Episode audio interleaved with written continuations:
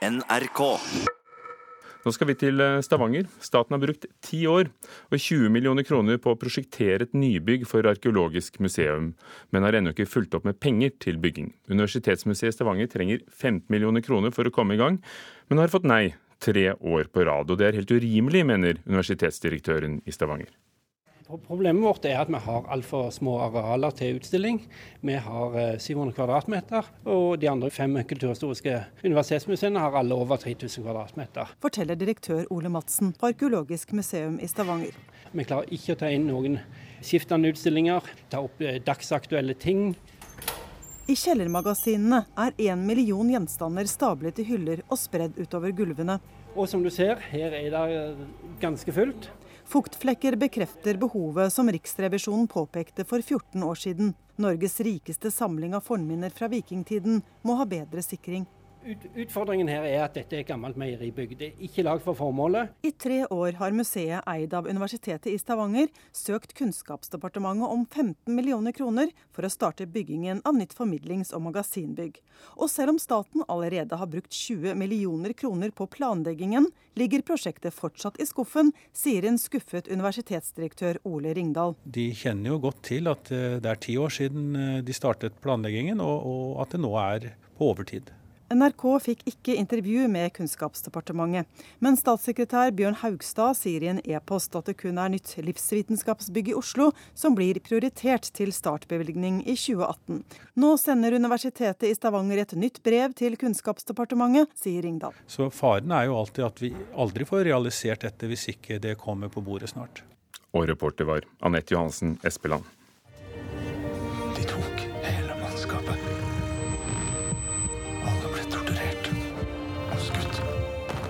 Litt over 33 000 nordmenn kom seg på kino første juledag for å få med seg premieren på den norske krigsfilmen 'Den tolvte mann'. Regissør Harald Svarts nyeste film handler om krigshelten Jan Baalsrud og hans dramatiske flukt midt på vinteren fra kysten i Troms og inn til Sverige i 1943.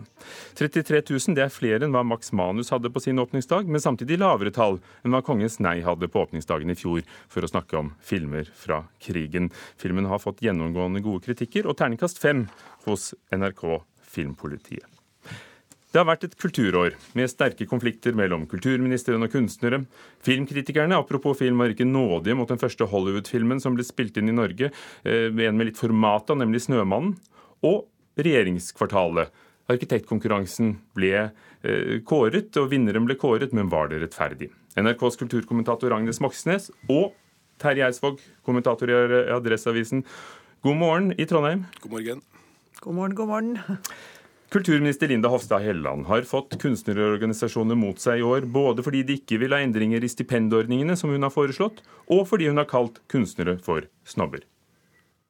Jeg mener det at tilliten mellom kulturministeren og kunstnerne nå er i ferd med å forsvinne. Vi opplever kanskje at kulturministeren nærer mistillit til vår, eh, våre faglige vurderinger og vår evne til å organisere stipendkomiteene våre slik at bredde og transparens ivaretas. Da. Det sa kunstnerorganisasjonenes representanter eh, selv. Terje Eidsvåg, hvordan har eh, Helleland klart å komme på kant med de store organisasjonene? Ved å fremstå kanskje en, eh, litt som en eh, lettvekter som, eh, som, bruker en autoritet hun kanskje ikke helt har i, i duett, duell mot en, i alle fall av og til noen tungvektere på feltet. Ja, og det er jo et, et godt poeng akkurat det der. fordi at vi har jo hatt eh, fire år med en Høyre-Fremskrittsparti-regjering. Eh, og vi vet at kunstfeltet stemmer jo rødt. De hører til på den liksom litt røde sida. Og, og, det har vært veldig viktig å ha en, en kulturminister som altså vi har hatt en kulturminister som prøver å endre kulturpolitikken, eh, og som er helt avhengig av å være retorisk god i en, en sånn sammenheng. Og, og det er vel kanskje akkurat der eh, Linda Hofstad Helleland har, har, falt litt igjennom, da. Hvordan har hun håndtert det? ganske dårlig, syns jeg. Mens hun på idrettsområdet unnskyld, jo har fremstått med en autoritet når hun har tatt et oppgjør med, med idrettstopper og administrasjon.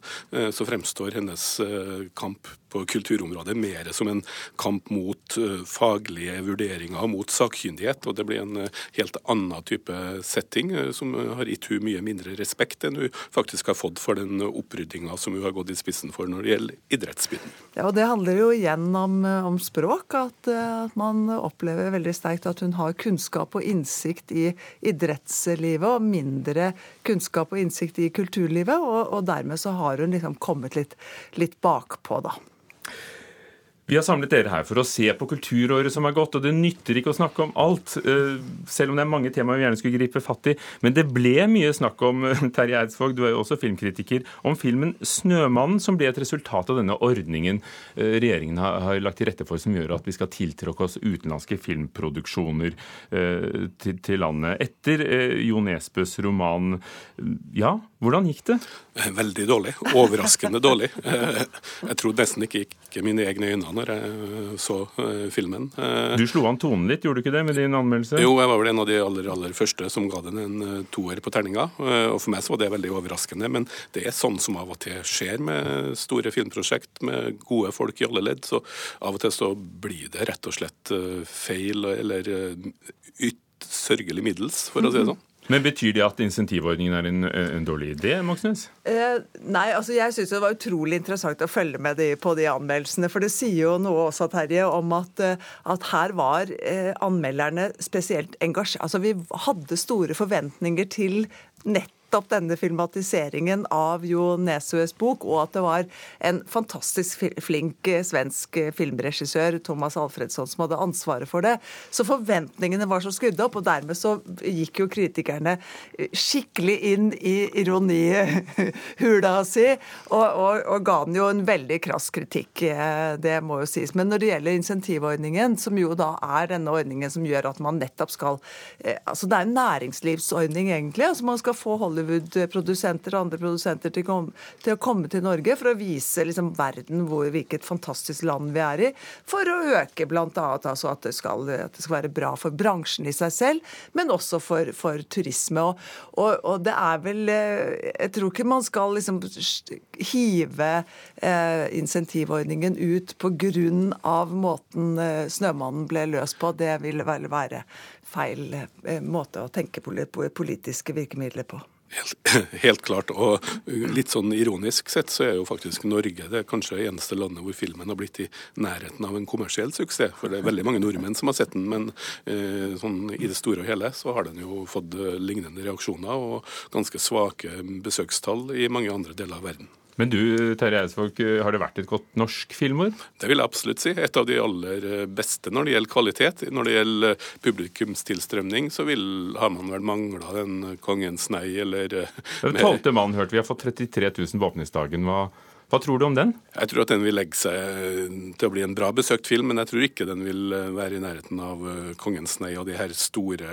hva skal jeg si, folkedragerne som drar uh, mye over en halv million. Men jeg tror at den vil bli en suksess på kino. Det tror jeg. Publikumsmessig.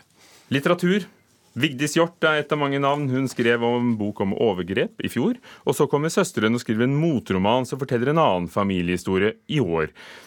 En spesiell strid, Agnes? Ja, det må man jo si. Det var vel det mest oppsiktsvekkende som, som skjedde i, i, det, i, 2017. Altså, det er jo sånn at uh, Vigdis og, og, Helga Hjort nå er på en måte blitt litt sånn cheerleadere for hvert sitt, uh, sitt lag. Den, det ene laget ledet av Vigdis Hjort, som sier veldig klart og tydelig at en, en, forfatter må være totalt fri til å skrive det hun vil. Og er uh, utgangspunktet familieforhold, så må man bare bruke det, mens Helga Hjort da er den som forteller hva dette koster for en, en familie. Og, og, dette har ut, altså utløst en, en voldsomt sterk eh, eh, diskusjon om litteratur, som i og for seg er veldig bra. Men så er det jo sånn da at i det lange løp så er det jo den gode litteraturen som, som vinner, rett og slett. Eidsvåg? Ja, jeg tror nok at Vigdis Hjort sin bok vil leve mye lenger enn en Helga sin. Men på den annen side så tror jeg nok at jeg og mange lesere var overraska over hvor ikke god, men solid uh, også uh, boka til, til, til, Helga Hjort var. Men, men det det er jo helt spesielt. Tidligere har det jo vært litterære feider, særlig i USA, hvor store forfattere liksom har slått mot hverandre. Men, men denne to versjoner fra samme familie har ikke ikke jeg vært i nærheten av å være borti tidligere. Dere, Vinneren av regjeringskvartalet øh, ble kåret i år. Var, var dette en rettferdig konkurranse? Ja. jeg spør deg, Agnes Moxnes. Ja, altså, jeg eh, syns vel kanskje ikke det var noen veldig smart uh, Hva skal man si?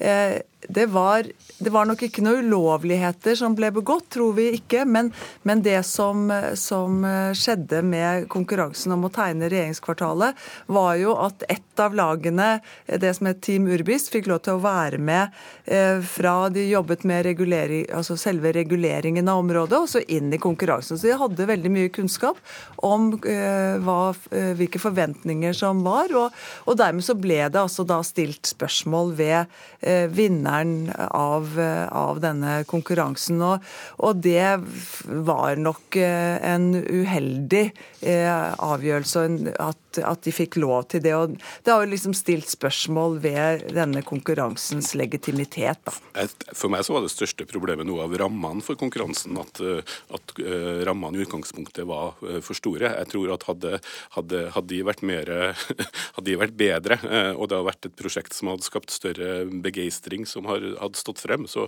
ville vi ikke hatt den diskusjonen uh, på den måten som den kom i ettertid. Nei, og Det som er eh, kjempeinteressant, er jo hvilke liksom, følger eh, dette her får. fordi at det skal, det må bygges, settes i gang og bygge et nytt regjeringskvartal. Men spørsmålet er jo om det kommer til å bli så voluminøst og, og, så tettpakka som det er som planene er, eller om det, det, kommer noen andre politiske signaler inn og overprøver denne regjeringen i, i så måte. Men det som slår meg, det er jo at, at vi er igjen, altså igjen da, i 2017 så er vi nok et år som viser så tydelig hva terrorangrepet mot Norge i 2011 egentlig førte med seg.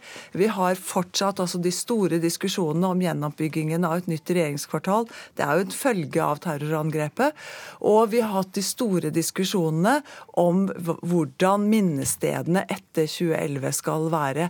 Så, så sårene etter denne, dette terrorangrepet de er mye dypere enn det man liksom trodde de kom til å være eh, i årene etter 2011. De blir ty altså, det er kanskje den læringen som, som, vi tar med oss videre inn i, i 2018, tror jeg. Og I 2018 så kommer jo filmene og TV-seriene, og da vil det akkurat den biten bli diskutert mye, mye mer. Og eh, de her sårene vil, eh, tror jeg, eh, bli enda mer tydelige. Takk skal dere ha begge to. Terje Eidsvåg, kulturkommentator og kritiker i Adresseavisen, og kulturkommentator i NRK, Agnes Moxnes. Vi snakkes i 2018.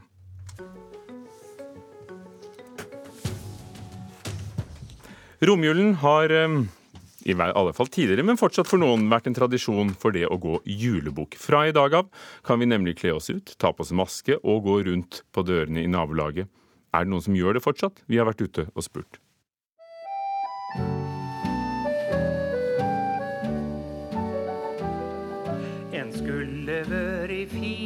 Fire år i romjulen Nei, det har vi aldri gjort. Jeg gikk jo veldig mye julebukk da jeg var liten. Da gikk vi nesten hver dag hele romjula. Det var ting vi vokste opp med som barn. Så jeg gikk jo som barn, men eh, jeg har vel ikke gått etter jeg var 12, kanskje 13 år, da. Jeg har hørt om noen, men eh, ikke her i Oslo, egentlig. Prøve å få uh, ungen til å gjøre det. Jeg har aldri hørt om det heller. Det virker å være et norsk uttrykk, men jeg forstår hva du mener. Det er litt grann man gjør i Walt Disney. Donald. Altså, jeg var oppvokst på landet, og der skjedde det jo ingenting. Så jeg tror det var populært, egentlig. Eh, når vi kom som julebukker og banka på dører, så var det populært stort sett. Bortsett fra hos én person. og hvis møtte unger etter vega Geir Thomas Risaasen, du kaller deg julekonservator i denne tiden ved Norsk Folkemuseum. God morgen.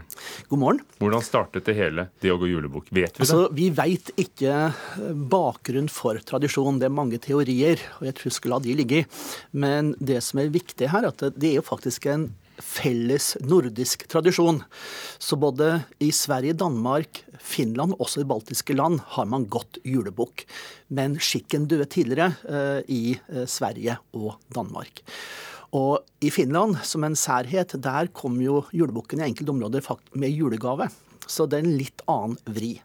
Du, du er jo fra Våler i Solør i Hedmark? Det er jeg, og jeg vokste opp med julebukk, og gikk julebukk eh, til eh, godt voksen. Fordi at eh, de vi hørte på gata i stad, de snakker om julebukk som barn, men eh, vi glemmer at julebukken var jo like gjerne en voksen person eller en gruppe med voksne personer. Hvordan foregår det? Du er utkledd. Poenget er at du skal ikke bli, bli gjenkjent. Du kan som i Prøysens tilfelle snakke julebukkmål. Noen synger, noen danser. Og dit du kommer, så er det jo viktig at det, du får en type servering. Kake, sjokolade til barna, en dram til de voksne. Men å ikke gi julebukken noe, det er, det er dårlig skikk. For det, da kan julebukken ta jula med ut av huset. Så det er mange forestillinger knyttet til det her.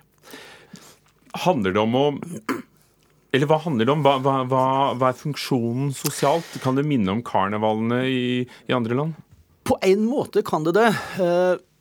Og, uh, men altså, det er på en måte en vekselvirkning i forhold til du som går, uh, der på en måte clouet ligger å ikke bli gjenkjent. Og så er det på en måte de som tar imot, som da uh, skal prøve å skjønne hvem vedkommende er. Og som ei kusine av meg sa nå i forrige uke, at hun er fortsatt irritert over et, en gjeng med julebukker som kom da for snart 30 år siden, og da vet fortsatt ikke hvem det var. Så, Men det er litt av poenget, er det ikke det? Det er hele poenget. Oppheve skillene i samfunnet? Ja. Og det er klart at altså Det vi ikke tenker på, at voksne har jo gått Det er vel de som egentlig gikk julebukk tidligere. Uh, og så da skikken begynte å dø hen, så var det jo barna som uh, ble en stadig større gruppe. Er det blitt overtatt av allehelgensdag, av halloween? Uh, ja, i hvert fall så har nok halloween tatt noe av det behovet som lå i det å gå julebukk. Men skikken var jo allerede på hell da halloween kom til landet. Det med bukken, hvor kommer det fra? Det er mange teorier. og Én ting går jo på uh, altså Åsatrua, altså vår gamle religion, uh, der Thor ble dratt uh, av, altså guden Thor ble dratt av to bukker. Og at det har noe med det å gjøre. Og disse bukkene var jo magiske fordi at de kunne han slakte og spise, og så lenge han tok vare på beina, så vokste bukka fram igjen og ble levende. Men i Bergen så går det jo bare julebukk på nyttårs aften, og da er det, da er det nyttårsgeit man går. Når skal det egentlig skje? Eh, normalt sett så er det da fra i dag, altså romjula, fra tredje juledag og ut eh, til nyttår. Og så har du 13. dag og 20. dag som i tillegg. Geir Thomas Risaasen, kan du snakke julebukk? Å oh, ja, ja. Men ikke her. Julekonservator ved Norsk Folkemuseum, takk for at du kom til Nyhetsmorgen.